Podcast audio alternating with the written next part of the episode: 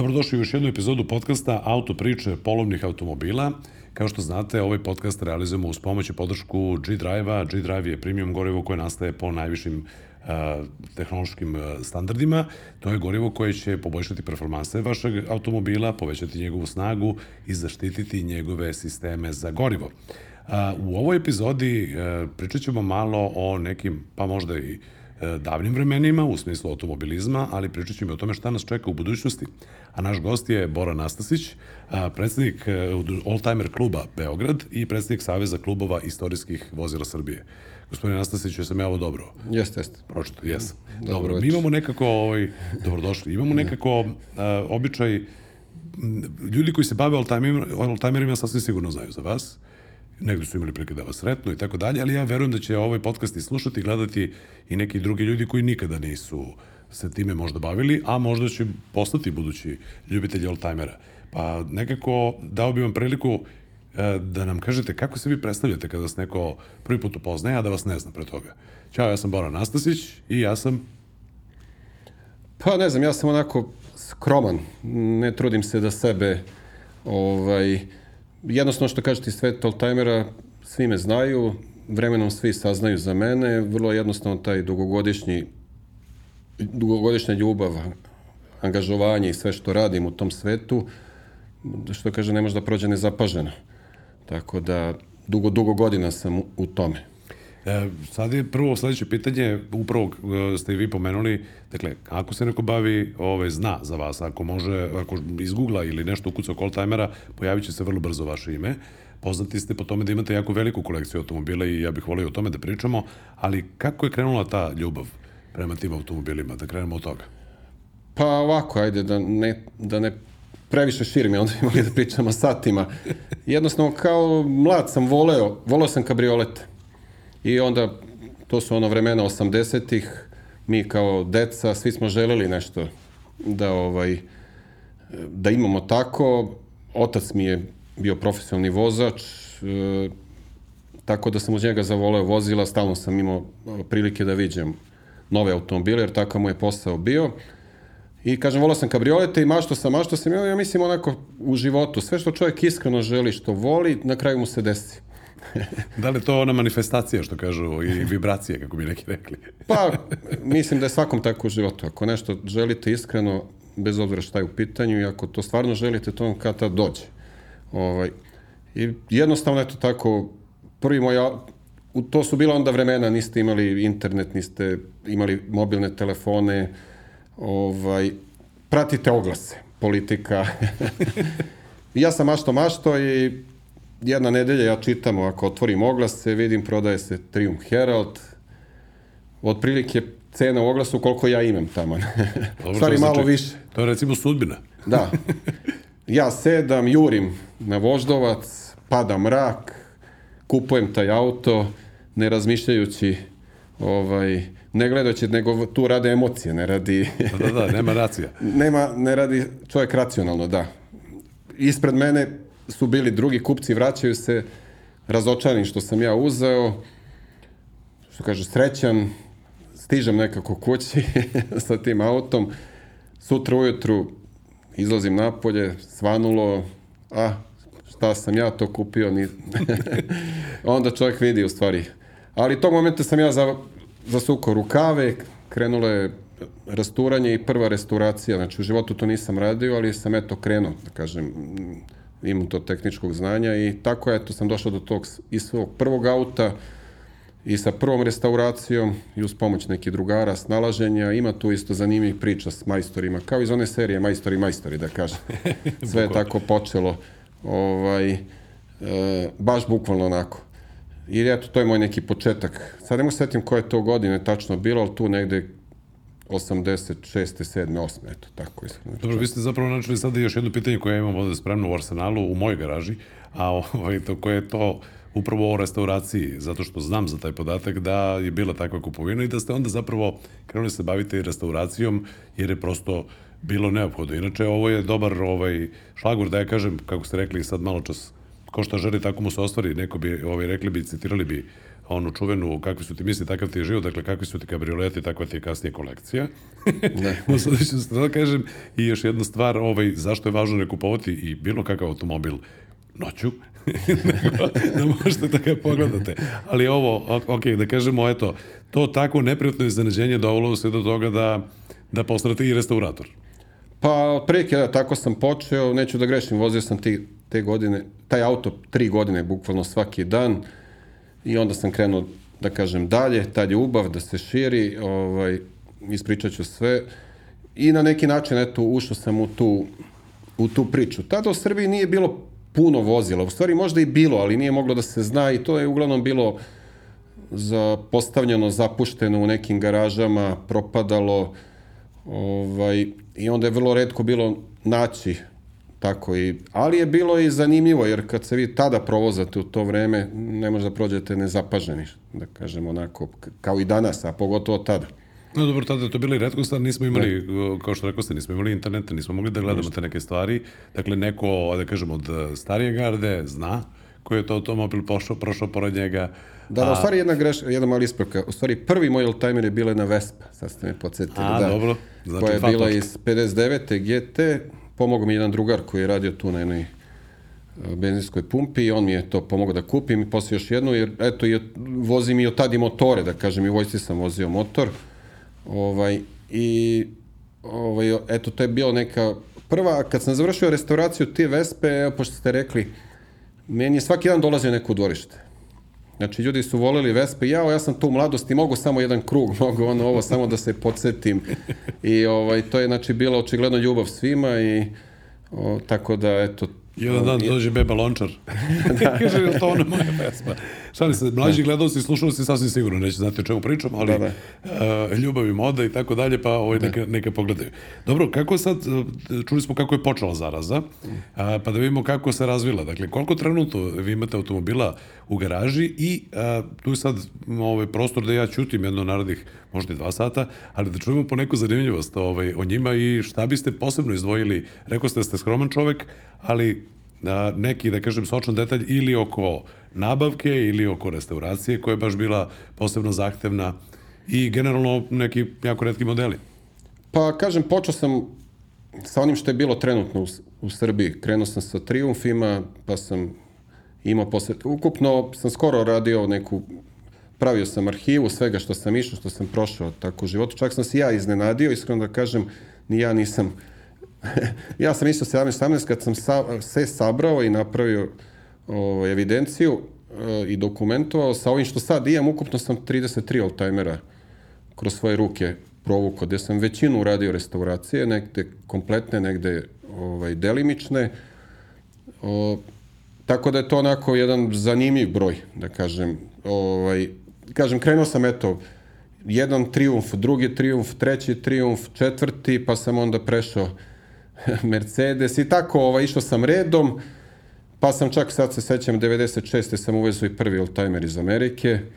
Ovaj, hvala Bogu imao sam neku familiju, često sam išao kod njih i onda sam, ovaj, kako prolaze godine, uh, menja vam se možda ukus, apetiti rastu, želite da imate nešto možda zanimljivije, atraktivnije, lepše, bolje, pa onda prodate nešto da biste otišli jedan stepenik više. I tako sam, znači, godinama ovaj, sam taj stepenik išao jedan, da kažem polako, jedan po jedan. Hvala Bogu, u životu radio sam sve i svašta i privatnik i ono, pa sam imao malo i sredstava da mogu sebi da priuštim ovaj, ne za neke ekstremne automobile, ali za realno neke normalne, da kažem, lepe modele. I ono što sam iskreno i želeo da imam. Ovaj, nisam sve ispunio želje, imam neke automobile koje sam želeo da imam, vratno neću imati, ali nema veze. Ovaj zadovoljan sam i sa ovim. Kažem, ima milion, normalno, kad, kad toliko automobila provučete kroz ruku, kroz garažu, kroz, tu je milion, milion raznoraznih zanimljivih stvari. Eto, jedna priča s taj prvi Triumph Herald. Ja se vozim s jednim drugarom po Beogradu i ceo dan nama nešto lupa zadnji točak. I ovaj, i šta lupa, stajemo, gledamo na neiskustvo, ne možemo da primetimo. I negde u bulevaru kod Svetkove pijace mi se vozimo, dum, tras, odskoči auto zadnji kraj i vidio mi prolazi točak triumfa pored nas. I sad to onako malo zanimljivo. ovaj, šta ćemo mi na sred raskrsnice, jurimo onaj točak, staju tramvaju, gledaju, sviraju ljudi. vadi ključ, šta ćemo, ovaj, u stvari to je lupalo, točak je bio razlabavljen i sad Nije bio dobro u toku zašrapljen, vožnje, da, nije bio zašrafljen. Međutim, sva sreća, taj Triumph Herald, zadnji kraj mu je lak. Ekspresno skinemo po jedan točak, ovaj moj prijatelj još jedan izađe čovjek iz tramvaja, dignu ručno zadnji kraj i mi vratimo točak i odemo, eto. Ako je nastala možda ona anegdota, ali ono naš točak. Da, da, da. Ona čuvena. A, znate, zanimljivo, vi sad ste vozio, točak vas stiže, dakle, eto. Bez prestiže. Da, kažem, ima takvih raznoraznih zanimljivih priča. Eto, jedan Herald karavan koji sam kupio, verovali ne, čak u Grodskoj, odakle sam. Jer kad krenete u taj svet oldtimera, onda srećete ljude, e, ima kod mene u komšiluku to, ima tamo, ovamo. I onda sam tako nailazio na sve i svašta, saznao za sve i svašta, išao. Mada u Srbiji je bilo teško kupiti vozilo, zato što su ljudi kod nas bili jako nerealni. Obično su tražili mnogo više para nego što vredi ili mnogo više para nego, mislim, stanja su vozila bila jako loša. I nažalost, posle izvesnih godina, ja pro, odem opet tamo, vidim to je propalo, sad ne vredi ništa. I onda sam, kažem, kasnije prešao, uglavnom sam vozilo uvozio. Ovaj, jer je ono što sam želeo, što mi je bila želja, nisam, Nije moglo ovde da se nađe. da, nisam imao ovaj lovu. Usudit ću se da kažem, a pričamo i o tome ko što sad ne može da se nađe Fića ili Fića kombi ovde, ali o tome ćemo ovaj Pričat kasnije. ću vam, da. Ovaj, da. Tako da, eto, to je ta neka priča. Ovaj, krenuo sam, imao sam preko, sad ukupno s ovim što sad imam. Sad trenutno imam 10 vozila, od toga su 4-5 u fazi, jedan čeka, tri su u fazi restauracije. E, Postalo je teško restaurirati vozila, sve je teže doći do delova, e, problem je s majstorima, tako da sad, sad prinuđen sam da radim 90% sam, i onako pomoću štapa i kanapa i onda to onako ide sporije. Ona godinama se čovjek i umori sve. Ajde, drži me neka energija. Žena mi kaže, ti si, kad ćeš da se batališ to kad...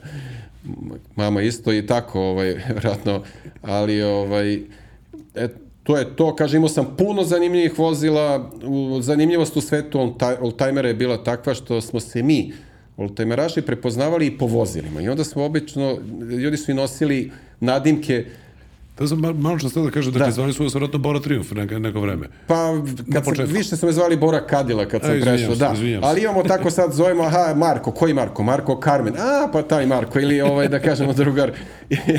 I onda, uglavnom se u tom svetu oldtimera znamo, mi svako svakom prišije da, da, Da. je ovaj, Dođe do zanimljivih Da, nadimaka. imao sam, kažem, jako zanimljivih vozila, jako zanimljivih restauracija, e, možda je najzanimljivija i onako upečatljiva bila, imao sam čak i autobus double decker iz 55. godište, dvospratni, gde onako, to je stvarno bio poduhvat to izrestaurirati i ja sam taj autobus stvarno uradio onako, e, nešto kaže, nažalost, tad nije bilo interneta sve.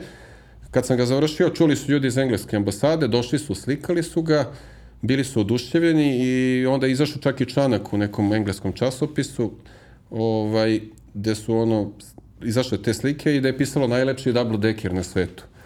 E onda možda zamislite kako je, Kako je to bilo urađeno? kako je to bilo urađeno i ovaj, stvarno neki detalje, sve. Kad sam čak je i akvarijum mali ugradio jednom mestu u tom busu. Kad dođete u bus ima jedno malo ormanče gde su vozači ovaj, čuvali Sve lične stvari. Aha. svoje lične stvari i ja sam tu stavio staklo i stavio akvarijum. Onako kad ljudi uđu da ovaj, i kažem eto sa tim autobusom nažalost prodao sam ga ovaj, isto su bile zanimljive zanimljiva dešavanja, pokupim ja društvo onako ja sam ga vozio na registru za divno čudo nikad nas policija svi na mašu, kažu, ne mogu da veruju. Ovaj, Ili se snima nešto ili ba kao da, da bi vozio Da, da, da. neregistrovan. Crveno ja veliko, pokupim društvo, mi se dogovorimo, idemo ajde na izlet 3-4 dana dole do do ovoga, smo planirali do Kladova, sve ono, ovo, mi krenemo i stignemo mi do Golubca, ka tunel onaj, ne može da. To sam prođemo. upravo da. Ja, niko nije razmišljao o tunelima. Šta ćemo, ajmo, onaj, ajmo do Golubca, hotel Golubac i ajmo nazad posle, sutra da ne kažem, ali pokupim društvo, strpam autobus, to je bio doživje da se vozimo. Tako da... Odlično, to je Đani Ćurčić Da. radio sa tramvajem. Da. Ovaj, u Londonu, ali to je drugi par rukava. Da. Sad ste rekli ovaj, nešto, ovaj, pomenuli ste i, i članove porodice koji tu sad se pitaju dokad će to tako, jel? Ali rekao ste ljubav i e, još pre nekih ovaj, nekoliko minuta sam čuo nešto i onda ja moram to da prodam da bi ovo.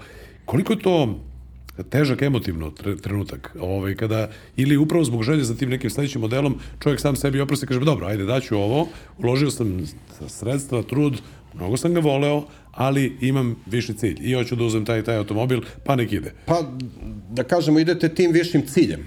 Ovaj, I onda, uglavnom, moja vozila, sva koja sam prodavao, iskreno, bio sam srećan kad budem na nuli.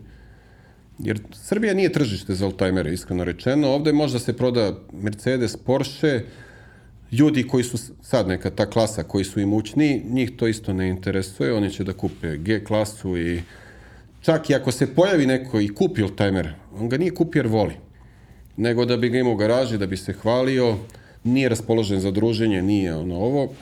Ovaj, I, kažem, e, cilj je taj, kažem, ovaj, tako da nema tu, normalno, imate neke uspomene, ono ovo, ostale su te fotografije, ta sećanja i to su te, da kažemo, lepe uspomene na to. Stari Grci su, ovaj, kažu, ja ne znam da li to ovaj, Sokrata, ali rekao, ali otprilike je bilo eh, kada neko završi svoj životni ciklus pa kaže, je li imao neku strast?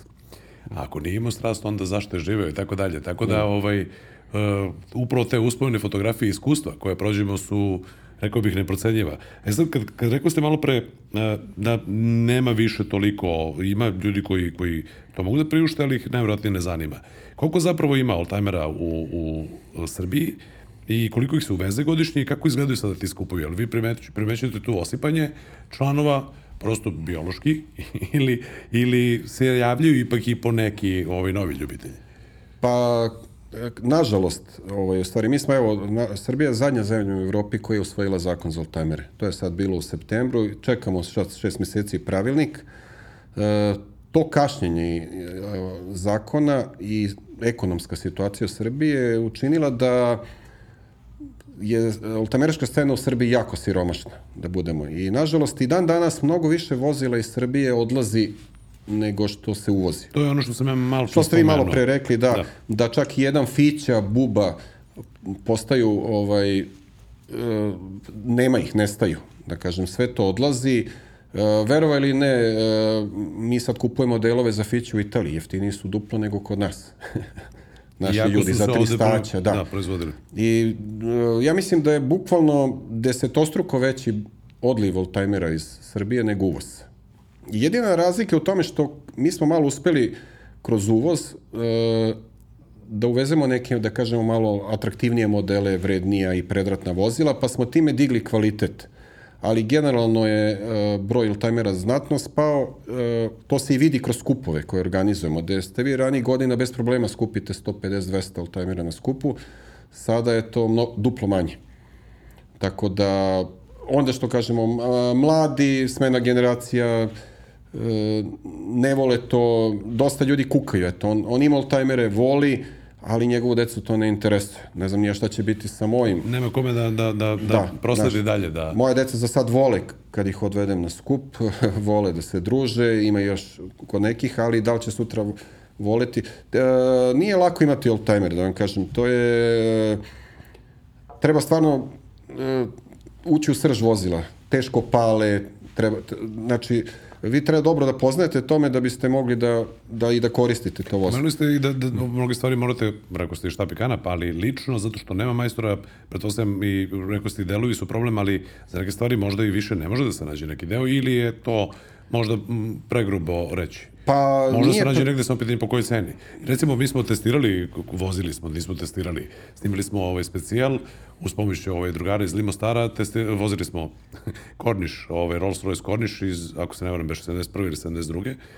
Ja sam se jako uplašio ovaj, da, da se nešto ne desi tokom tog snimanja, jer ne sam kao da li taj Rolls baš toliko vredan, nego prosto sigurno je muka naći grill, naći branik, naći far, bilo šta da se desi sa njime, nekako je čovjek je u nezavidnoj situaciji. Za neke modele generalno jako teško doći do delova. Ja sam imao slučaj da mene zakače vozilo i onda neki lajsne, po dve godine sam tražio na internetu, nisam našao.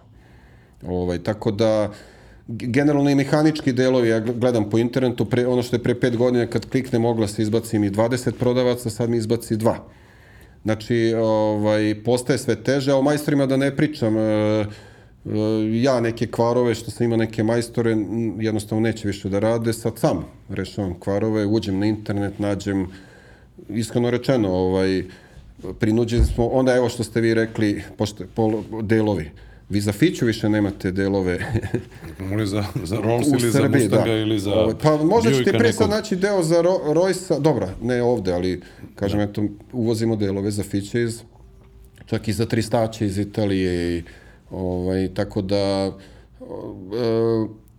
mi se borimo da očuvamo tu scenu, teško je, e, ovaj, kažem, nažalost, e, dosta je doprinao taj zakon koji nismo imali za oldtimere. I o tome ćemo uskoro da, da pričamo, da. Ovaj, svakako i da vidimo šta su tu, da kažem, manjkavosti i šta čekamo. A, pomenu ste i vi, čeka se pravilnik, ali a, hajdemo sad za one ljude koji nisu u temi. Kako zapravo a, definišemo oldtimer, odnosno šta je zapravo danas oldtimer, odnosno vozilo od istorijskog značaja i tu mi je važno, prošlo sam da ste u jednom tekstu komentarisali upravo činjenicu da su neki trljali ruke i ja, sad će Golf dvojka da postane oldtimer, ja samo, evo, brojio sam ih. Nedavno sam išao ka Jahorini, dakle, od granice, to mi je igrica, krenem od, od malog zvornika, pa dok stignem do Jahorine, izbrojio sam ih 57 u saobraćaju, a 100 ukupno. ovaj koji sam da ovako, pored puta. Dakle, šta je jasna definicija oldtimera, pa i da vidimo kako se on sada definiše u tom novom uh, zakonu i onda krenut ćemo malo, malo više. Pa ovako, naša država je malo nefer.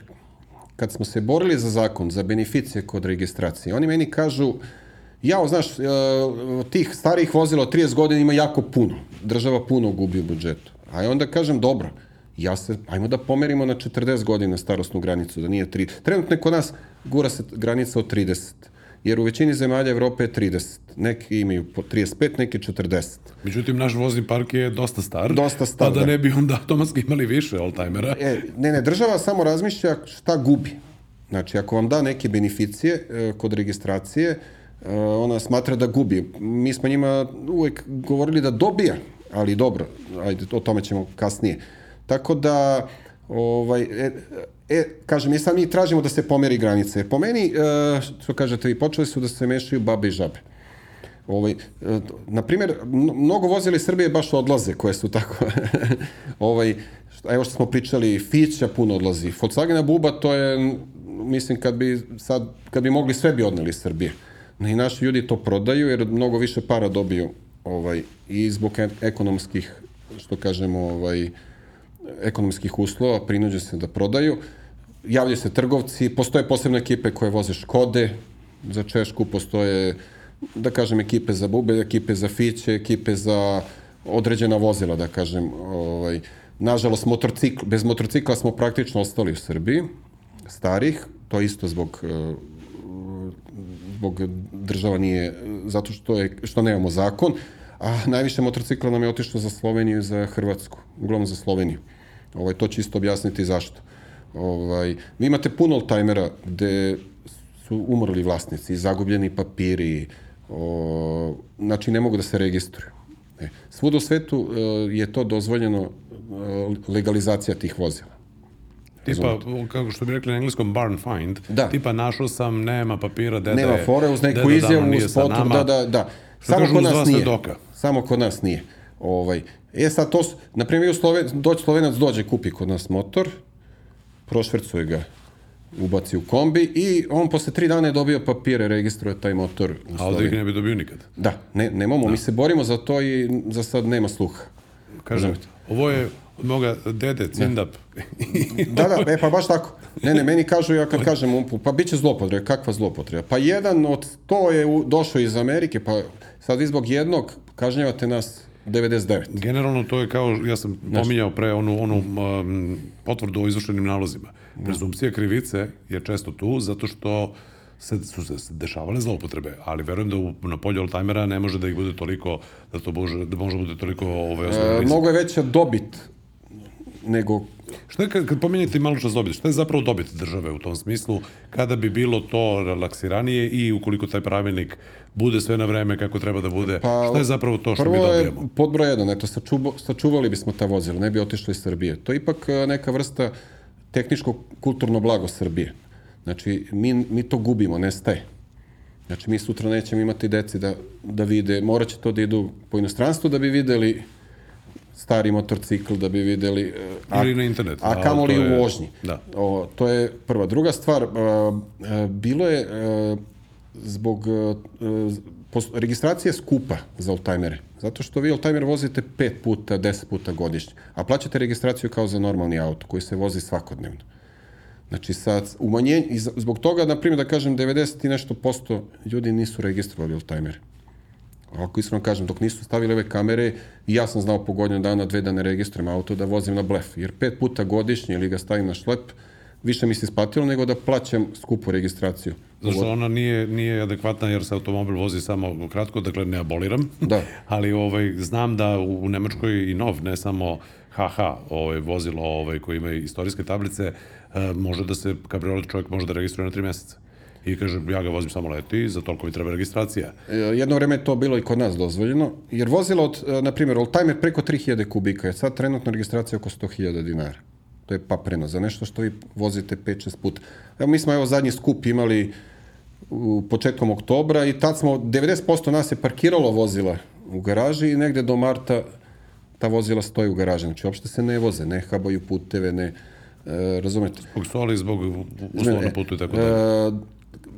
Po meni bi znatno skočio broj registrovanih oldtimera. Znači, time bi država, država dobila, dobila jedan influx bi, novca, dobro. Dobilo bi verovatno još više oldtimeri na popularnosti, jer e, vi kad odete bilo koju zemlju, na primjer, pogotovo vikendom, Italija, Austrija, možda ste primetili, e, ja sam obišao pola Evrope, vikendom to samo se, vo, to je prelepo, samo izađu To je ljudima stil života. Što bi rekli Sunday drive. Da, on je pet dana radio te nedelje i on subotom, nedeljom pali svoj oldtimer i ide na izlete. Voza se, uživa, razumete. To je, toga u Srbiji praktično nema, vrlo malo. Da, nemam kulturu toga. Inače, ovaj, e. kod ih ima manjlo, plus onda koje gume idu na njega, da li su dobre gume, ne. da li sam to registrovao i sve ovo što ste malo čas da. pomenuli. E, I onda smo se vraćamo na tu temu, tako da su sad e, počele da se mešaju babe i žabe, što kaže, javljaju se ljudi sa golfovima dvojka, on misli sad, ha, sad je 30 godina njegov autostat, on mnogo više vredi. I ovaj, tako da mi smo u klubu počeli da da, i da pravimo ovaj, selekciju, da ne učlanjemo tek tako bilo tek koga. tako, baš zbog toga, jer time gubite i na kvalitetu i na ovaj, vrlo jednostavno kažem, ne valjaju stvari. I nažalost, sad se evo čak i uvoze ljudi po neki tako neko vozilo. Evo dobro, sad pre neki dan me zvao čovjek, hoće da uveze Golfa jedinicu kabrioleta. Kojih ja znam da ima dosta. Ovaj, ali dobro, to je to. Neko voli to. Uh, postoje ljudi koji vole uh, uh, vole ta vozila 80. godina. Uh, Iako to nije pravi, pravi oldtimer iz vašeg ugla gledano. Nije pravi, ali dosta ljudi kupuju vozila po emociji. Znači, imao je kao dete, njegov otac imao to vozilo i njega sad vuku te emocije, da i on to Da, ima fiksaciju. Ja sam, ja sam prvi automobil zapravo koji sam ja vozio, ovaj, koji su roditelji kupili, bila do duše Jugoslovenka. Crna buba, imala je nešto šire točkove, imala je drugačiji sportski volan i sedišta od Golfa Keca, ali bila temeljno restaurirana. Ne bi sad mogo da kažem da je to bilo stanje A1.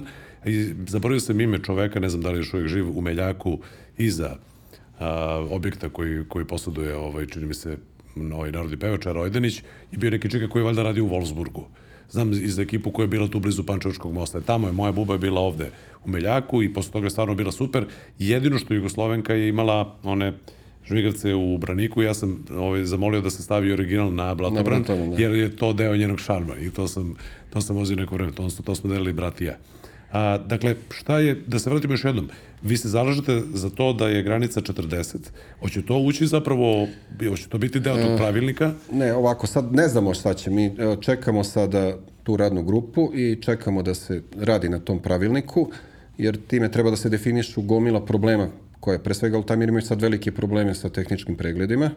To je bilo moje sledeće pitanje. Dakle, kako uopšte izgleda sada cela ta procedura? Pa jednostavno, po sad, sadašnjim pravilnicima tehničkog pregleda, oldtimeri ne mogu da prođu. Zbog izlovnih gasova, zbog crvenih žmigavaca, kažem, zbog dosta toga. Znači, Oni bi zapravo morali, e, samo ovako da, da, da, da se razumemo, ovaj, morali bi biti izuzeti zato što jedan, nema ih toliko mnogo i dva, predstavljaju taj moment u automobilskoj istoriji. Dakle, ne bi trebalo da budu neispravna vozila, ali bi trebalo da nekako im se malo progleda pa, kroz na prste, jedno- jer su posebna. imamo jednu banalnu, nije banalna stvar, e, dosta oldtimera imaju crvene žmigavce. Pravilnik za registraciju svih vozila ne dozvoljava crvene žmigavce. Jer bi onda mogla i druga vozila iz Amerike. To je da, jedan problem, evo kasnije što ćemo pričati o uvozu iz Amerike. Ovaj, I onda ljudi ne mogu da prođu. Drugi je sad trenutno izvojen. E, verovatno će pravilnik, kao što je svuda u svetu, e, e, oldtimeri e, prolaze tehnički na osnovu e, parametra godine proizvodnje. Znači, Šta je tada bio taj tehnički Da, da, standard da. i zadovoljenje i sile kočenja Ne možete vi da, da terate da vozilo, da. Posto, na primjer, postoje zemlje gde ne, vozila od predratne ili do nekih godina čak uopšte i nemaju tehnički pregled. Znači, kao Engleska i mnoge zemlje, da ne pričam. Ovo, evo da jedan podatak zanimljiv, u Engleskoj, verovali ne, ima milion i 500 i nešto hiljada registrovanih oldtimera. U, Engleskoj. U Nemačkoj 700 i nešto hiljada, Italija 500 i nešto ili 600, da vas ne slažem. To su stvarno podaci u odnosu kod nas da ja To, to je bilo deo ono pitanje, koliko ih možda ima ovde?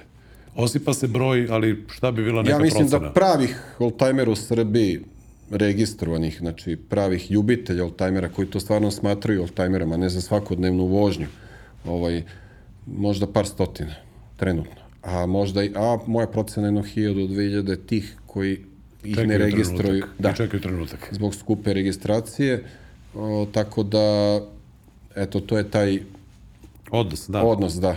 I kažem, nažalost, smanjuje se taj odnos jer dosta vozila odlazi. Skoro je, na primjer, čak i Polonez, vidio sam, otišao jedan za Poljsku i tako, eto. Da ne verite. A, ok, e sad kako izgleda ovaj, ta, ta procedura, imamo sad ovde informacije šta će se promeniti delimično, ovaj, znamo, čekamo da vidimo. Pretpostavljam da ste vi na neki način deo radne grupe ili vi ili neko iz nekog drugog udruženja, e, da se država konsultuje sa vama. E, ja sam toga. učestvovao dosta u inicirao i usvajanje zakona i u predlozima i izradi sve. I bukvalno je na šest godina se borimo s tim. I sad očekujemo tu radnu grupu. Nadam se da ću ja biti i u sastavu te radne grupe. Mimo toga, ja sam sad pokrenuo, e, to ne zavisi od Agencije za bezbednost sada, to je izgled tablica. Sad borimo se oko toga da se i to prilagodi standardima oldtimera, pa vidjet ćemo kako će to izgledati. I da budu trajne tablice, to je isto jedan problem. Kažem, generalno oldtimeri imaju dosta problema, najveći je problem tehnički i skup porez, znači skupa registracija. Ajde, ovo ostalo ćemo nekako da, da ovaj, i da prihvatimo i da ispeglamo, nadam se. Kad kažete izgled tablica, sad ja to samo pretpostavljam, ali to je potpuno logično, dakle, nekadašnje mesta za tablice na nekim vozilima su manja nego što su današnje tablice, negde su drugačijeg oblika, e, izgleda, izgledalo bi groteskno, na nekima nije ni predviđeno možda da ima tablicu na nekom delu. Pa po nekim našim procenama i našoj analizi oko više od oko 60% oldtimera ovaj ove sadašnje tablice im ne odgovaraju, čak i više. Starija vozila i voz, ili oldtimeri američke proizvodnje, što kažete, ne možete da stavite tablice, to izgleda ružno, morate nešto da izmišljate, da o, improvizujete, što isto izgleda ružno. I jednostavno sve zemlje sveta imaju posebne te trajne oldtimerske tablice koje imaju svoj posebni izgled i, i, i trajne su, da kažem. Kad jednom ih dobijete, one su do ovaj, ostaju trajno dok imate i Da, voz. zato što obično tu, ukoliko se čovjek potrudi, može da bude neki zanimljiv broj koji je vezan na neki način za taj automobil, tako dalje. Zanimljivo U Nemačkoj su sve sa HH, kada je vidimo na kraju HH, to su istorijske tablice. da. Dakle, pretpostavljam da je predlog sličan, da i ovde kod nas imaju neki način i drugačiji izgled, ali da, i, da bude jasno da je to istorijsko vozilo. Dali smo neke predloge, nadamo se da će nas pozvati na sastanak da dogovorimo taj neki dizajn. Evo sad postoji šansa da stvarno napravimo da Srbija ima prepoznatljive tablice. Znači, možda i jedna od lepših u Evropi, ali opet to ne zavisi od nas sam, iskreno rečeno. Ovaj, tako da e, vidjet ćemo šta će od, od toga biti. Držimo palčeve da bude sluha i da, to, da taj predlog prođe. A, dobro, sad Evo kako- jedno sam zanimljivo što ste rekli, ovaj, verovo ili ne, u mnogim zemljama, evo tu je najbliži Beč, e, oldtimeri sa tim historik tamo, njima je dozvoljen ulaz u sam centar grada i ne plaćaju parking. Iako nemaju grune plakete, Da. odnosno ne, ne zadovoljavaju najviše sada ekološke standarde, Da. ali na neki način pričaju priču o istoriji i vrlo su Pa oni zanimljivi su i atrakcija i turistički. za turiste Da, i da. sve. Znači, to ljudi vole to, na primjer, znači, ljudi su prepoznali vrednost oldtimera i ovaj, tako da nadam, ovde sve to mnogo teže ide nadamo se da ćemo ispraviti. Ali mi još nemamo te zone za, Da. za dolazak, ulazak, Da. izlazak iz grada, iako se radi ovaj, da u određenim delovima Beograda Da. na tome, ali eto, to je još jedan pokazatelj kako se tamo negde razmišlja o tome i kako se gleda na to. Dobro, e sad, kako izgleda procedura uvoza? E, pomenu ste u jednom trenutku da ste krenuli da uvozite zato što je ovde bilo i nerealnih zahteva, pretpostavljam da je to ono, on zna da je to staro, ne zna šta da radi sa tim stanjem, to sigurno mora da vredi. Dakle, kako je izgledala procedura uvoza, kako izgleda danas, kako bi trebalo da izgleda i koliko se razlikuje u odnosu na standardne automobile? Pa, procedura uvoza oldtimera, na primjer, ako, ajde da kažemo iz Amerike, da ne kažemo Evropa, ovaj, Evropa je, u stvari svuda je, jednostavno, e, postoji zakon, sad je promenjen pre par godina, da sva vozila starija od 30 godina mogu da se uvezu u Srbiju, kao istorijsko vozilo. Jednostavno, nađete vozilo, kupite, napravite račun. E, sa, za uvoz e, je, vam je neki put potrebna i potvrda od muzeja automobila da je vozilo Istorijski primjerak. da, da je oldtimer i e, neki put e, carina hoće da vam traži i procenu vrednosti vozila, pošto ga nema u katalogu. Znači, vrlo jednostavno u Evropi. Kupite vozilo, uzmete račun, nađete špeditera, ovaj, on sve, kao i za novi auto, sve vam obavi, s tim što verovatno će vam tražiti možda i te dve potvrde. To sve vidite sa špediterom i sa... E, dosta oldtimera, isto postoji u carinskom katalogu, nije loše uvek da, pogled, da se konsultujete sa špediterom. Jer oni imaju uvid u taj da, carinski da, katalog. kol- koliko je ovaj carina i kolike su dažbine za taj auto i da znate ovaj o, o čemu se radi. I sad, mora da pazite, desi se neki put ako je auto dosta loš, da neće da puste da se uveze. U jer smislu tako- loše fizičko stanje. Da, da, što je ovaj, ko, to je jedna po nama greška u našoj uredbi za uvoz vozila, gde smo mi tražili da se to izmeni, jer ovaj, e, sve zemlje njima e, stimulišu i, i, i njima je i bolje da se uvoze vozila za restauraciju.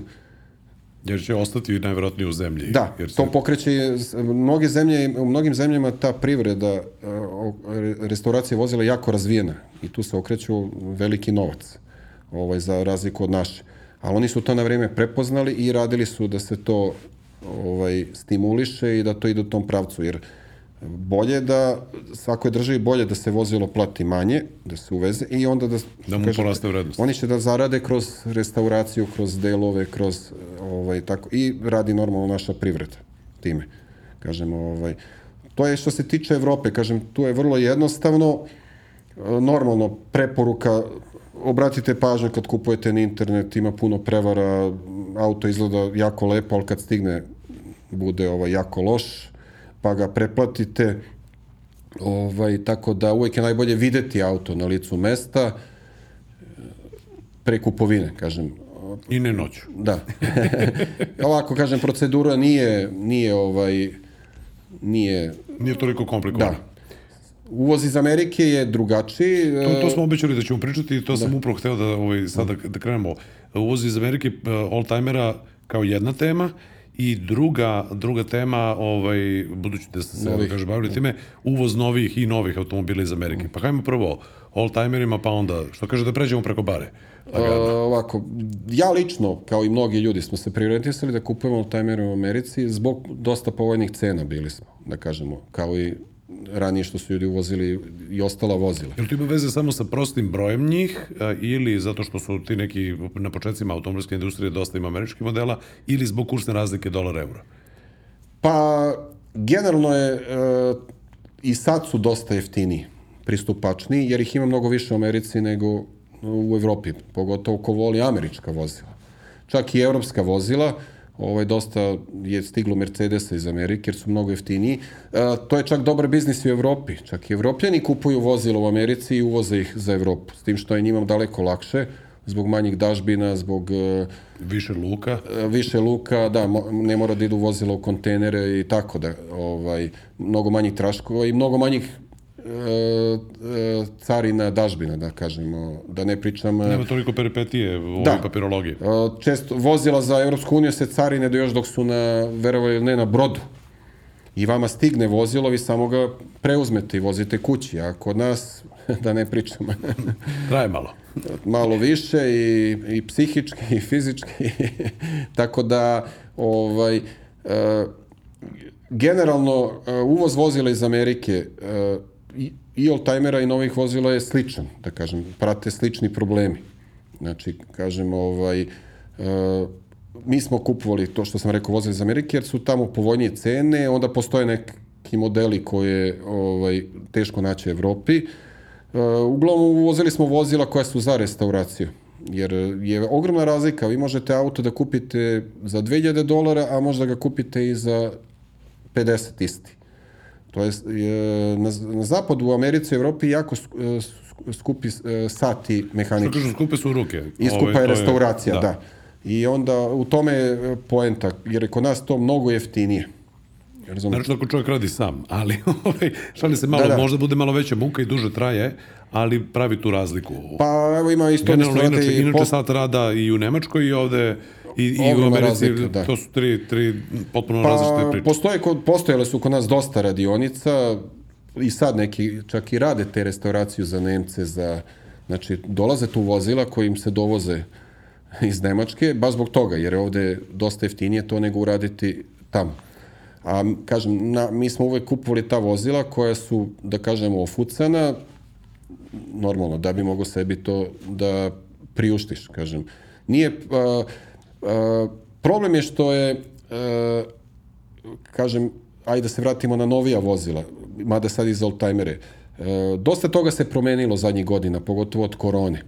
Znači, e, e, skočio je jako troškovi transporta. Skočili su troškovi unutrašnji još gore u Americi.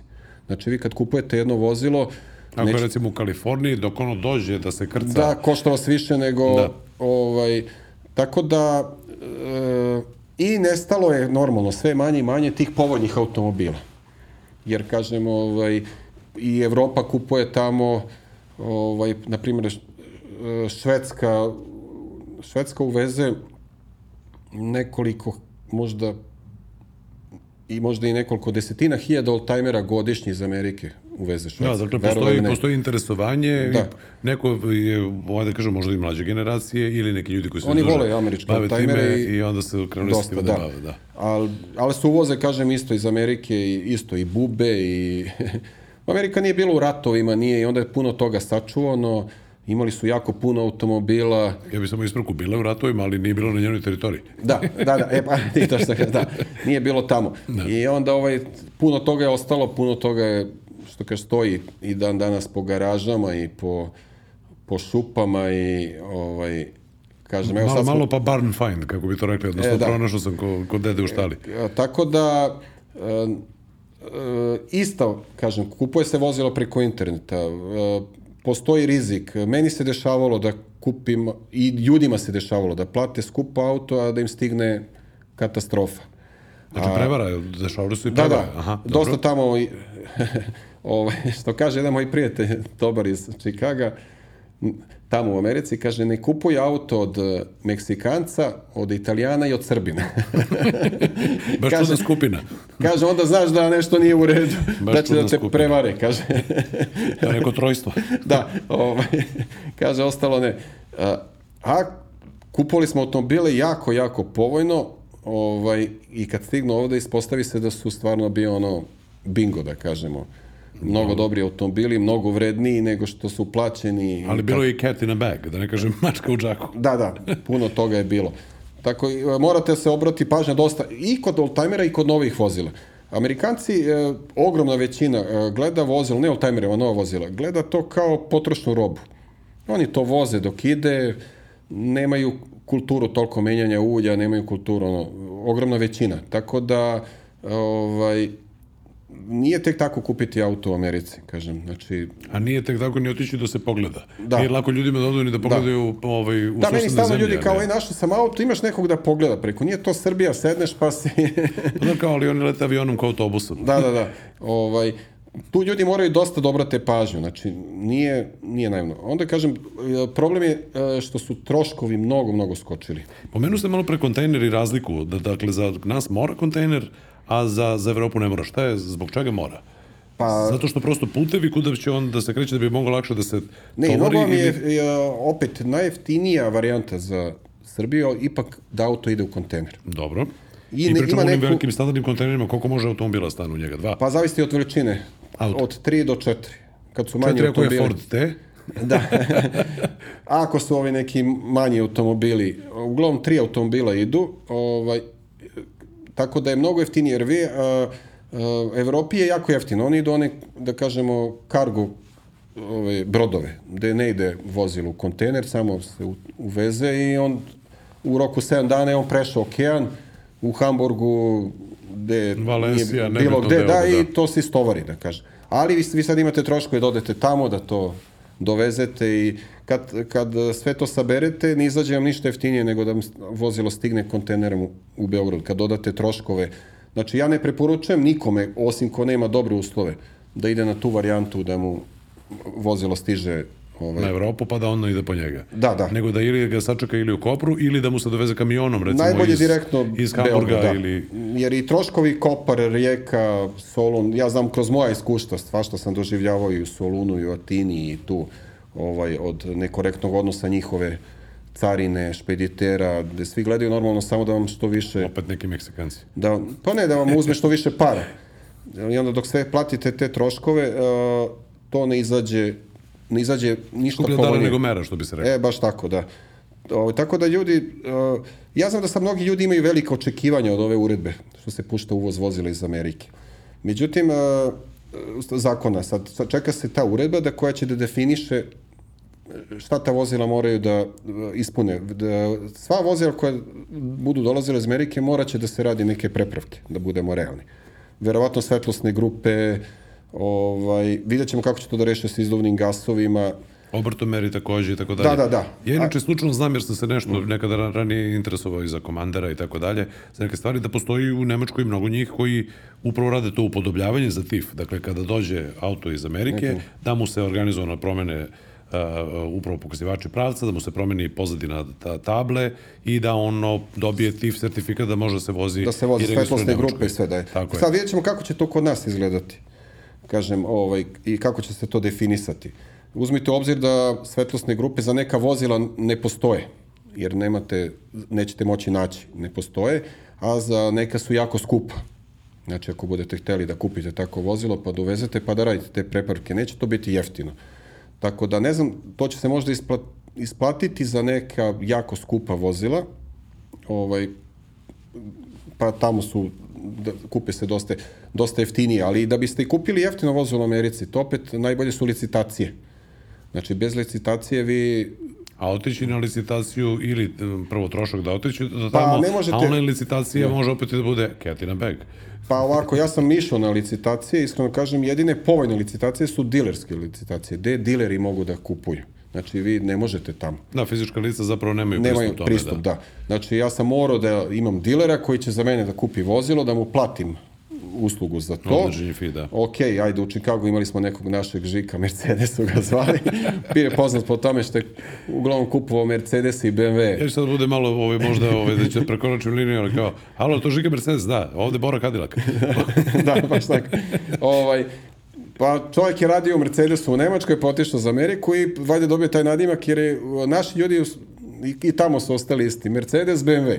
I onda je uglavnom radio za naše ljude i da kažem, crnci vole Mercedese da voze, da se pokažu kako su isto ovaj, i onda ovaj, ja sam to video i lično da kažem. Ovaj, ali sam uspeo preko njega da kupim neka vozila i da kažem jako, jako povoljno. Ne znam da li čovjek živ ili sve, ovaj, ali eto, znači, ovaj, kako, to, tako, kako tamo stvari funkcionišu, kažem. Ovaj, Nije naivno i da se ljudi zapravo, vaša poruka, da se ljudi ne nadaju previše kad se to sada bude dozvolilo, ako se bude sve to da kao ne što se očekuju, da ne, da će da ne bude nešto džabe. dok to, da, dok to sve ne legne kako treba i da dobro razmisle. Druga stvar, e, e, često su problemi, često se štete vozila u kontenerima. Da bi se isplatilo vozilo prebaciti kontenerom, oni tovore što kažete tri vozila. Tu se prave rampe, guraju se vozila e, viljuškarima, ovaj, bukvalno, iskreno rečeno, e, zadnjih 10 kontejnera nismo istovarili da nije neka bilo oštećenja na nekom vozilu. Čak smo imali gde su bilo oštećenja na sva tri vozila, verovali ili ne. Zato što je možda šta, bilo takav uslov na, na, i, Ne, ne, jednostavno na ti putu ljudi koji tovare kontenere su lučki radnici, bahati, boli ih briga.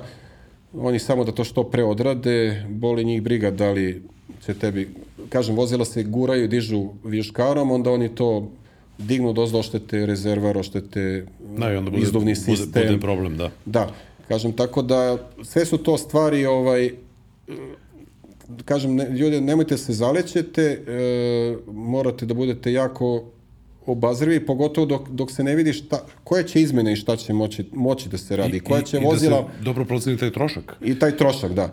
Tako da možda se desi što ste vi rekli skuplja dara nego Dosta ohrabrujućih stvari ste rekli.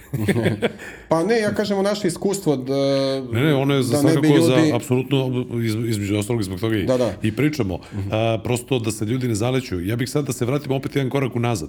Kad bi sada neko, ovaj, slušajući nas ili gledajući nas, poželeo da postane ovaj vlasnik oldtimera eh, iz sadašnjeg iskustva, biste vi to preporučili ili ne biste preporučili šta, je, šta bi bile Jer, e, ok, mi smo se fokusirali uglavnom na, na teške stvari, ali to je jedna velika ljubav i da ne postoji ta velika ljubav vi se time ne biste ni bavili. To je definitivno, ali Pa ovako što ste rekli, to je jedna velika ljubav. Ja sam ovaj, e, e, mnoge ljude stimulisao i pomogao im da uvezu oldtimere. I našao sam im vozila i pomogao kod te logistike i sve to bez interesa. Jednostavno ljubav i želja mi je bila da nas što više ima sa lepšim, lepim vozilima u Srbiji. Jer, jer je scena stvarno nam bila ovako da kažemo siromašna i ovaj i, da, i dan danas to radi. Što kaže meni, što to radiš? Pa eto tako. Ovo, evo i sad je, sad je trenutno ovih dana trebao bi jedan kontener da se tovari tamo u Njurku, gde idu dva oldtimera i ide jedan no, novi auto, ne znam čiji je, ovaj, nije bitno. O, tako da, jednostavno to uđe u krv, imate tu želju, imate volju, ovaj, hoću da pomognem, e, imam dugogodišnje iskustvo, gde može da se kupi najjeftinije vozilo, e, kako najjeftinije uraditi transport, jer znam dosta ljudi koji su uvezli vozila i onda me zovu kad, Kad kad, je, kad je gotovo, kad je kasno. aha, dobro. Ovaj, razumete, de, Umesto da se prvo konsultuju. Da, od, prvo plate mnogo skuplje transport, onda problemi sa našom carinom, uh, sve to neko to neiskustvo, ovaj, Tako tako nema da... potrebe da ljudi prave te greške u prvim tim koracima ako već postoji čovek ili ljudi koji su to već prošli. Tako Pa da, dobro, ljudi ne znaju, obično kad se dese problemi, onda kažu neko, raspita se, kaže zovi Boru, zovi onoga, i onda mi, ovaj, ja gledam se, trudim koliko mogu da, iskreno da kažem, da pomognem, i trudim se. I ja garantovano, barem za jedno stotinak vozila sam stvarno pomogao da, ljudima da, da kupi i da uvezu u Srbiju. I hvala Bogu, to su i dan, danas članovi mog kluba. Ja, ja, ću, tako. ja sam malo, možda malo slobodniji u ovoj epizodi podcasta nego u nekim ovaj, do sada, ali ovaj, mogu da kažem neki vas možda zovu Bora Kum. Dakle, Bora Kadilakova, Bora, Bora, Bora Oldtimer Kum. Dakle, ali preporuka, dakle, Oldtimer klub Beograd, a, da se raspitaju, zašto da se ne raspitaju ukoliko žele da se Mi zaraze. se trudimo da uvijek pomognemo, da. Dakle, ali budite oprezni, dakle, zarazno je. Evo, kažem, sad me je zvao dečko preko prijatelja koji iz Nemačke uvozi golfa jedinicu. Pa ali pomogli smo mu da, da, da izbegne određene probleme, on se učlani u klub, ima, restaurira lepu Škodu, ono, 80, 70 neko, mm -hmm. ono, 1100 MB, i tako da je to lep auto, ta Škoda. Kažem, ali Amerika je malo drugačija priča, kažem, eto imam, hvala Bogu, iskreno kažem, e, zadnjih 5, 6, 7 godina pojavilo se tu i par ljudi, da kažemo, koji su onako i lepi kolekcionari u Srbiji, koji su uvezli lepa vozila, restauriraju i imaju neke svoje lepe zbirke, znači što ranije nije bilo kod nas. Nije bio slučaj, nije bilo... Da. možda ni mogućnosti, a Ovaj, tako da, eto, ali te ljude smo uvekli tako, kažem, to je neka vrsta ljubavi i bolesti, pogotovo kod muškaraca. Kupite jedan auto, pa ako imate para, aj povuče vas drugi, treći, a onda kad to krene, nema kraja. Do jednog momenta, ovaj, tako da imamo, kažemo, nekoliko ljudi sa lepim, lepim kolekcijama, zanimljivim automobilima, Ima tu dosta ljudi koji su uvezli po jedan, dva i lepa vozila, ali nisu za druženje. Aha, dobro, ili im to ne prija ili nisu prosto... Na, da, da, na neki način sad. Vidjet će, možda će ovaj novi zakon i sve to da ih možda i stimuliše malo na druženje. dobro. Jer bit će možda i taj neki uslov da bi neko mogao da ima beneficije, da bude član kluba i tako.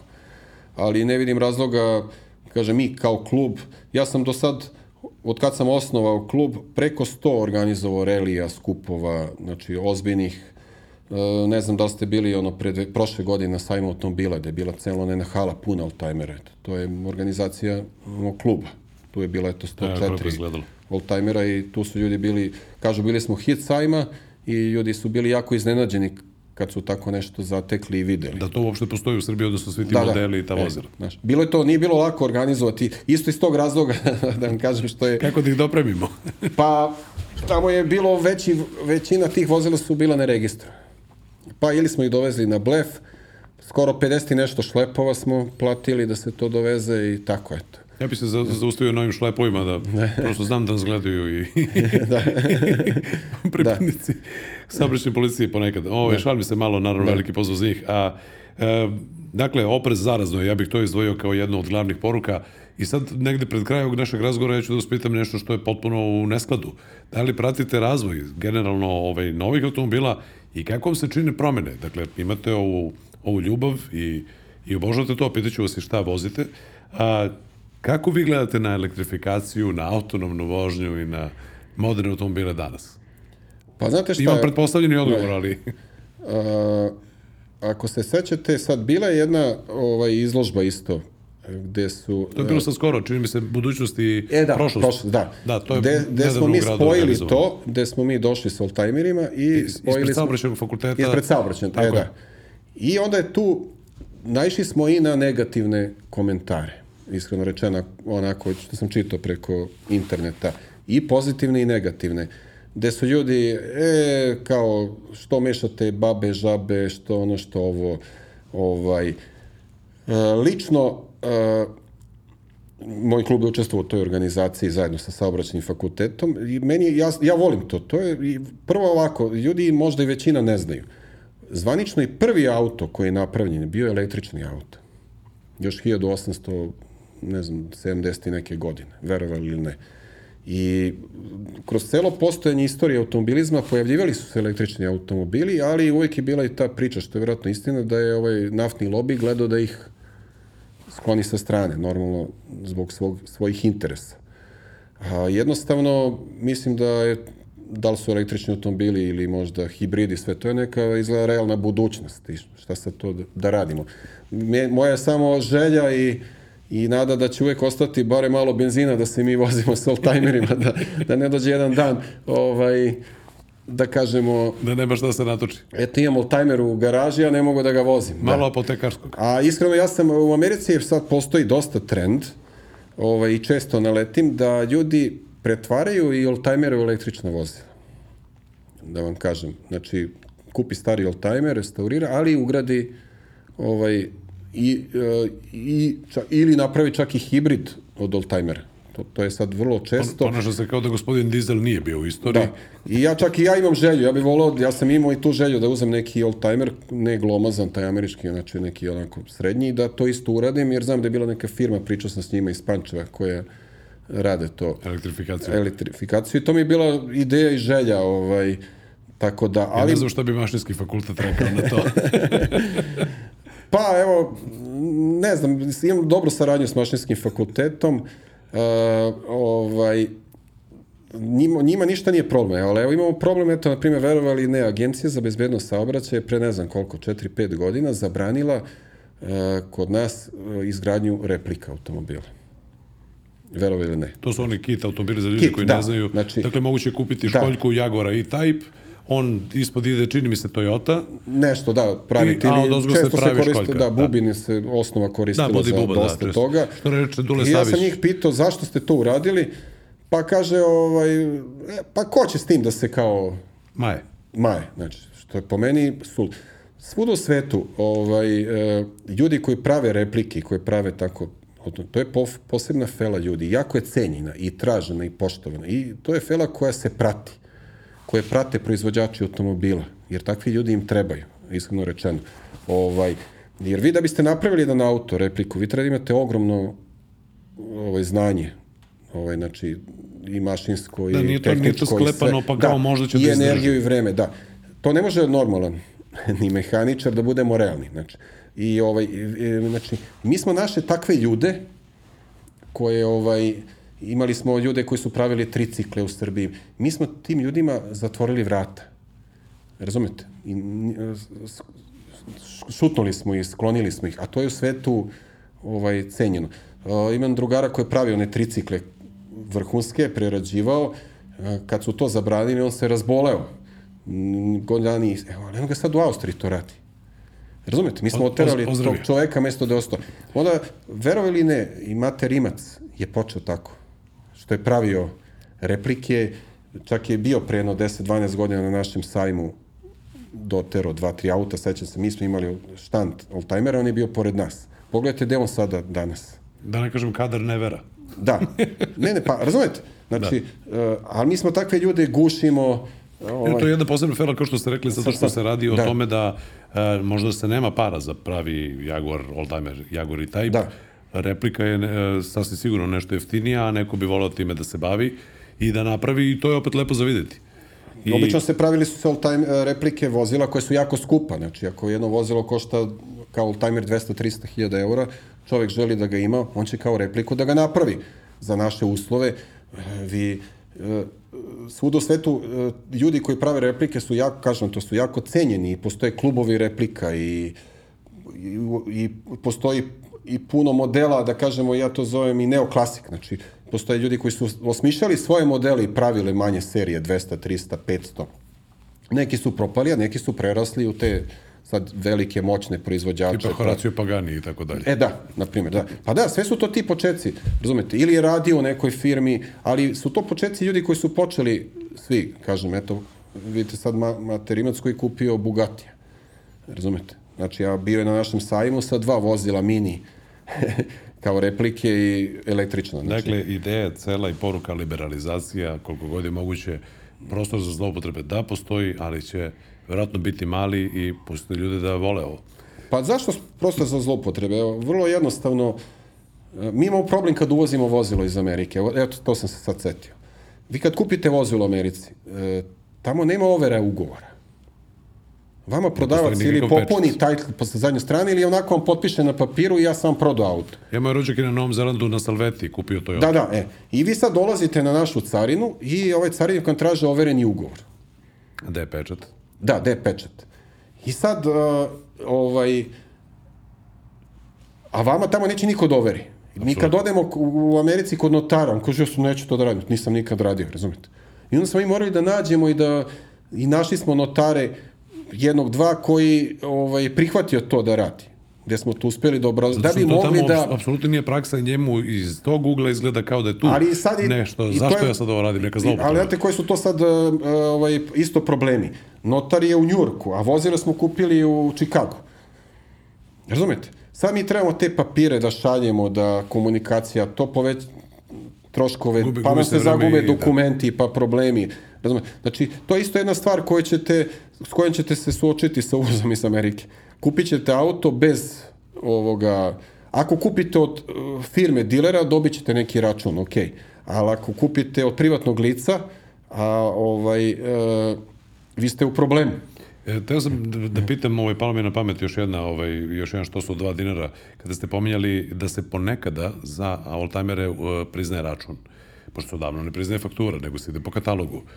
Ja kad budem dobio na Lutri, odnosno mi pravo ovaj, u Botrop i ja kupujem Brabus Classic, kupujem pagodu koja, se, koja ima 0 km, stanje je AA1, e, i onda ćemo da gledamo da, ovaj, da priznamo ne fakturu, nego da idemo, Pa, znate šta što, da idemo po katalogu. Da, naš katalog uh, je do neke 60 i neke godište AMS. Znači, čim kupite starije vozilo, uglavnom ga nema u katalogu. I onda vi trebate ili da dokažete da ste to platili, ili trebate da ovaj, ili carina kreće da traži po internetu. E, sad carina nađe na internetu auto koji košta 2000 dolara i nađe takav isti koji košta 20. I kaže pa 20. E, i oni ona, e, carini vam po 20. Iako ste vi to platili možda 4-5 hiljada. Znači, to je vrlo nezgodna, ovaj, sad smo imali takav jedan problem s jednim vozilom, prvo je vozilo jako zanimljivo, jako ekstremno, jako je redko, što kaže, svaka država bi to vozilo rekla, daj ga džabe, samo da ga imamo. Razumete? Oni su čoveka, ovaj, na carini Ja namjerno krijete model, namjerno krijete model ili... Pa da, da, da, nije Dobro, bitno. okej. Stari auto, predratni auto, čak, iskreno da kažem, možda jedan starijih vozila u Srbiji. Šta je na kraju čovjek morao da uradi? Posle dva meseca stojanja auta u magacinu, carina, problema i sa muzejom automobila, problema sve, on je uzeo taj auto, otero za Nemačku. I, da kažemo, odustao od toga da, ovaj auto, da taj automobil... Pa, stoji tamo, vjerojatno će ga dovesti, ima, ja mu kažem, imaš nemačke papire, dovezi ga tako, razumeš? Znači, čovjek je teo sve legalno, naša država mu je gledala samo da, da ga saplete. Znači, bez sluha, bez ičega. Ovaj, tako da, e, to je jedan svež primjer. Znači, isto je mene zvao po preporuci kako ovo da rešimo, nismo mogli nikako da rešimo, digli su mu carinu, više je trebalo platiti carinu nego što je platio auto. Znači, Opet skuplja dara nego mera. nego dara, da. Znači, auto je za restauraciju, ali jako, jako redan, redak mod, razumete? Koji bi bi- bilo koja zemlja pregrlila, evo pregrlila ga da, je Nemačka. da, da, e. Dobro, ja bi polako ovaj, privodio ovaj naš razgovor kraju. Dakle, zagledane smo u taj pravilnik koji se čeka, da vidimo šta će kako će da bude. Držim nam svima palčeve. A, pre nego što se pozdravimo, ja bih da, da pitam ovaj, šta dnevno vozi ako mogu tako da kažem, Bora Kadilak. Pošto iz te ljubavi sasvim sigurno da ne vozite a, svaki dan neki oldtimer, pretpostavljam da Ne, ih pa čuvate vozim. na taj način. Iskreno ali- rečeno, 90. godina sam često upalim oldtimer i dođem i do Beograda i izađem i sve, ovaj, zato što nije bilo to, tolike guže po Beogradu, bilo je gorivo dosta jeftinije. E, evo jedna priča što kažete vi, imao sam jedan Cadillac koji sam, taj sam dovezao, prvi američki, ne, nije, to je drugi američki auto koji sam uvezao iz Amerike, ovaj, restaurirao sam ga ovde, bio Cadillac Eldorado 75. godište i bio je kod mene nekih deseta godina, 12. I kad sam ga prodao, prodao sam ga muzeju automobila Beogradu, braci, ovaj, ja nisam ni, ni obraćao pažnju. I onda sam sagledao, da sam vidio da sam za tih 10 godina prešao sa njim bio 30 i nešto hiljada milja. To je, boga mi, za Da. oldtimera reklo bi se Za, puno. za oldtimer, da, da, da. Ja to nisam ni osetio, kažem, ali onda je bilo i gorivo jeftinije i a i, evo, verovali ne, inak, evo i taj auto kako sam uvezao, eto, to je isto zanimljiva priča. To su bile godine kad vi niste mogli da uvezete oldtimer u, u, u Srbiju. Nije postojao zakon. A imate želju. E, onda javilo se ono, ovaj, Bela crkva. Mlađi neće znati o čemu Da, se radi, znati. ali preregistracija ja nakon tamo raspada... tako ukinu Belu crkvu. E, sad smo bili, bili smo ovaj, kako se zove, Srbija i Crna Gora država. Pa je moglo na Crnogoru. Na Crnu Gora. Crna Gora je dole dozvoljavala sve i svašta i plaćalo se po kubikaži carina dole. Jednostavno dole, bilo je tako, koliko kubika auto, Toliko evra. Da. Međutim, auto 7200 kubika. Gde ću ja da, gde da platim 7200 maraka? Možda su Marka, bile da, marke. nisu bili euri, da. Više nego auto. Ja platio auto 1000 dolara, verovali ne, u Americi. Ovaj, šta ću ja, imao dole jednog burazera u Podgorici, radio, rekao ja na njegovo ime i prijavio mi auto na 1200 kubika. I tako ja vezem taj auto, platim 1200 maraka dole, onda ga dovezem za Srbiju, prenesem i onda sam ga ja vozio jedno vreme, ovaj, vozio sam ga jedno vreme tako dok je moglo, Na te tablice. da, na 1200, dok, i- Aha, da. dok nisam došao jednom na neki tehnički, e, ne može ovo ovako. Ajde ti onaj, na, u institut Vinču na, Da oni to utvrde, da. da oni to utvrde i oni meni podignu na 7200. Ovaj.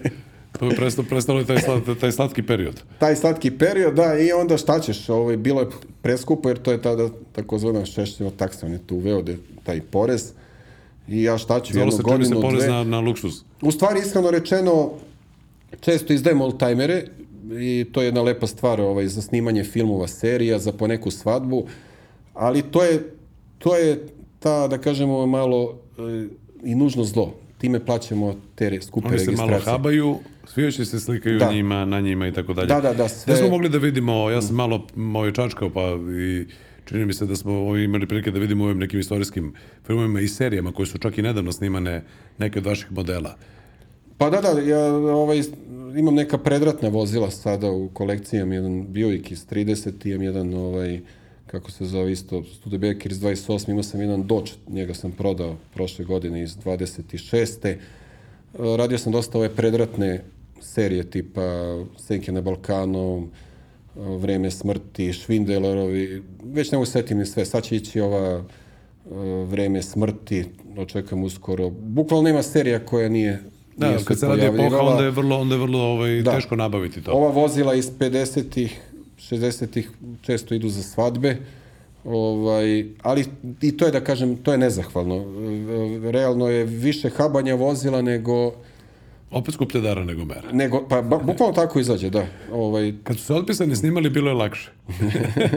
znači i Cindap i... pa ima onaj i crni Dajc. Mercedes i on I Citroen i to je to. jedan, da, toga ima u Srbiji i, i toga je nešto otišlo, ali nešto je ostalo, sačuvano, kažem, ali desi se dan na snimanju da vam bude lako, da kažem, vozilo, ali desi se dan, pogotovo kad zamislite sad vi predratno vozilo, bukvalno treba ceo dan da radi, pa sto puta pomeri napred, nazad, ovaj, a naši filmađe, ja, on ima sve skupo, on ima ono, pa gledamo da nađemo neki kompromis. Da, te zapravo tražite Da. se negdje u sredini. Duša boli zato što se haba, a, a, ovaj, Da, da, baš tako. A, ne prinuđeni ste. Da. Ja, evo ja sad, na primjer, meni vozila stoje kod tetke u garaži, kod eh, kuma jednog, pa ovamo, kod brata, svuda ra, raštrkano. Znate, kad imate, skupite puno, uz to imam i 17 starih motorcikala, eto i to sam uspio da skupim i da sačuvam. Nude mi sad, ali nemam nigde da, iskreno da kažem. Moramo da dođemo jednom da snimimo šta imate, Da. ako budete htjeli da nas pustite. Pa može, ja ovako iskreno rečeno nije samo to, ja nekako volim te stare stvari, radio sam u životu svašta i radio, što kaže, ovaj, imao sam i galeriju tih neobičnih stvari, uvozio sam i skupljam stare stvari, imam mnogo toga starog, od flipera, starih kasa, jukeboxova, neka mi je želja, ideja, to sam uvijek imao i nadam se da ću to da ostvarim još. Teo sam napraviti mali muzej u Grodskoj, gde bi sve to lepo se spakovalo, bilo izloženo, ovaj, da to ostane ne samo meni, pa nego da ostane, što kažeš, i Srbiji. I, ovaj, Da mogu ljudi da vidimo vide i mlade generacije kako je nekad bilo i šta je. Kako je bilo, da, i to sve, kažem, i puno zanimljivih stvari sam uspeo da sakupim, starih knjiga, slika, onih metalnih auta, mnogo toga ovako Mislim da zanimljivo. imamo jednog zajedničkog prijatelja, to ćemo nakon snimanja podcasta sada ovaj, da, da ga pomenemo.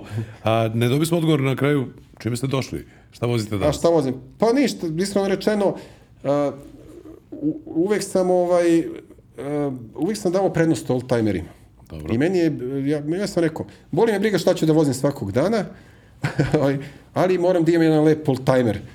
To mi je ono kad izađem uveče, kad hoću da se provozam i tako. I nisam patio za nekim. I u suštini, ovaj, iskreno rečeno, dosta svojih oldtimera sam kupio na imam ujak u Americi. Ja sad nađem auto za igrati želja, nemaš para, ja javim, on plati i onda ja sad skupljam pare ili prodajem nešto da bi ovaj da bi to izgurao. Ovaj, tako da, ali generalno verovatno kad budem rekao šta vozim, Ne, ovo kapirat ćete deluje da... kao uvod u Astru ili u Ne, Fabiju. Ili ne, u... ne. Dugo sam vozio, volao sam Chrysler PT Cruiser, onda vam je sve jasno. Da, zbog oblika. Da, to je taj retro Mali, stil. mali Einschlag, veoma mali Einschlag. Veoma mali, Ne da. toliko udobna vožnja, ali zanimljivo I izgleda. tako ta neka, kao sad vozim Kia Soul, što je isto redkost, ljudi ne vole. Ja sam nedavno dobio upit, uh, ja sam pitan šta misliš o tom autu, nisam ga nikada vozio, ali vrlo, vrlo specifičan oblik ima. Onda sam razumio da se osoba dvomi između Škode Yeti i Soula, voli kocku Da. i to je to. Pa, ne znam, ja volim taj neki, takav sam, taj dizajn, tako sam se i oblačio, bavio sam se i modom, šio, kreirao, svašta sam u životu radio i onda privlačio su mi uvijek tako neke egzotične, neobične stvari, iskreno rečeno. Tako i, i kroz oblačenje, i kroz vozila koja sam vozio i sve što sam u životu radio, gledao sam da bude malo, malo drugačije. Ovaj. I to ljudi znaju, vajda, i tako, vjerojatno i mnogi to prepoznaju i vide u meni, i tako vodim i klub, iskreno rečeno. Ovaj, tako da, eto, i šta je sad zanimljivo, ovaj, imao sam jedan auto koji sam prodao prije, to je, to je bio uh, Chrysler iz 36, Airstream. Onako, jako lep model. PT Cruiser je uh, napravljen uh, dizajn na osnovu tog auta. Da liči. Da liči. Znači, to je bila A liči, inspiracija. a liči na Prowlera koji je isto... Da, da, do, da, da. Mislim, ali, kao imaju taj sličan, ali- sličan nos, ali zapravo taj nos... PT Cruiser staviš i onda kažeš, pazi, pa to je taj auto. Razumeš? Znači, ovaj, e, praktično to je taj, Taj sled.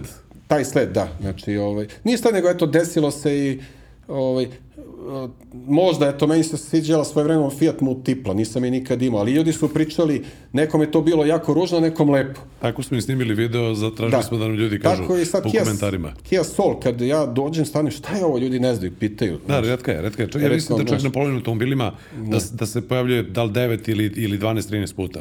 Baš sam pogledao koliko ih ima, jako ih malo ima. Jako ih malo ima i, i stoje ti oglasi, ne prodaju se. Da, zato što taj treba, auto- treba spe- specifičan čovek Da, da bi to kupio. ali na zapadu se, pogotovo Americi, jako puno kupuje voze Kia Soul, razumem, to je baš popularno jako auto, možda i zbog garancije i zbog kvaliteta, svakom preporučujem, ovaj, jako je kvalitetan auto i jako je jeftin za održavanje, što je bitno danas, i mali potrošač. A ima dušu, kako se, kako I, se i zove. što kaže, ima šmeka, ima dušu. Uh, PT Cruiser, žao mi što je prestao se proizvodi, da je izašao neki novi model, verovatno bi njega imao. Sa 2.2 motorom, samo da proverim, ili sa... 2.0. 2.0. dobro. Benzinac, ali on je realno bio veliki potrošač. Imao sam dva Cruiser, imao sam i onaj dizel, 2.4. Bio je 2.4, pardon. 2.2 u stvari dizel. Evo, onda sam ipak Da, bio pravo. on je bio mali potrošač, ali skupa registracija. Ovaj, uh, I čudan, vrlo čudan mali Einschlag, kad se Da, da. čovjek isparkirava, malte ne treba iz To, 4-5 je, to puta. je jedina mana, iskreno ti ka, To je zbog, ali- zbog takve konstrukcije prosto. Takva konstrukcija, to, je, to sam ja spo- spominjao da je to jedina mana PT Cruiseru, ali auto koji... A vozio sam ovo što kažete, prva Mazda Miata u Srbiji, ja sam je. Eto, znači kultni auto. Imao sam njih e, tri ukupno. Ono komad, kupim jedno, pa drugu, pa treću, pa Mitsubishi 3000 GT, kad je bilo to, ono, volao sam tako neka vozila, egzotična, neobična. Posle sam se neko, kažem, preorientisao na više na oldtimere i to onda ostane Imamo samo da kažem na kraju jedno veliko hvala na svemu što ste takvi kakvi jeste, jer mislim da imamo jednu sjajnu epizodu. Hvala i vam. Nadam se da sam pomogao malo ljudima oko ovoga uvoza. Ako hoćete još nešto da razjasnimo, da ako se nešto smo zaboravili, Pa ja vidim da mi imamo materijala sasvim sigurno za još jednu epizodu. Epizodu, da. Ja ću iskoristiti priliku da vam se zahvalim. Ne. Hvala još jednom. Naš gost u podcastu Auto priče je bio Bora Nastasić, Bora Kadilak, kako, kako ga zovu predsjednik All Timer kluba Beograd i predsjednik Saveza klubova istorijskih vozila Srbije. Nadam se da ste užili makar koliko i ja. Ne, ne znam da li se to vidi i čuje. Mislim da, da ovaj, će biti jasno vidim da se smeje ovde kolega iza kamere. A, hvala još jednom što ste nas slušali i gledali. Ne zaboravite, ostanite uz podcast Auto priče polovnih automobila koji realizujemo uz pomoć i podršku G-Drive-a koji je premium gorivo koje nastaje po najvišim tehnološkim standardima. Služi da poboljša performanse vašeg automobila, poveća njegovu snagu i zaštiti njegove sisteme za gorivo. Čujemo se i vidimo se i u sledećoj epizodi. Ne zaboravite like, share i subscribe.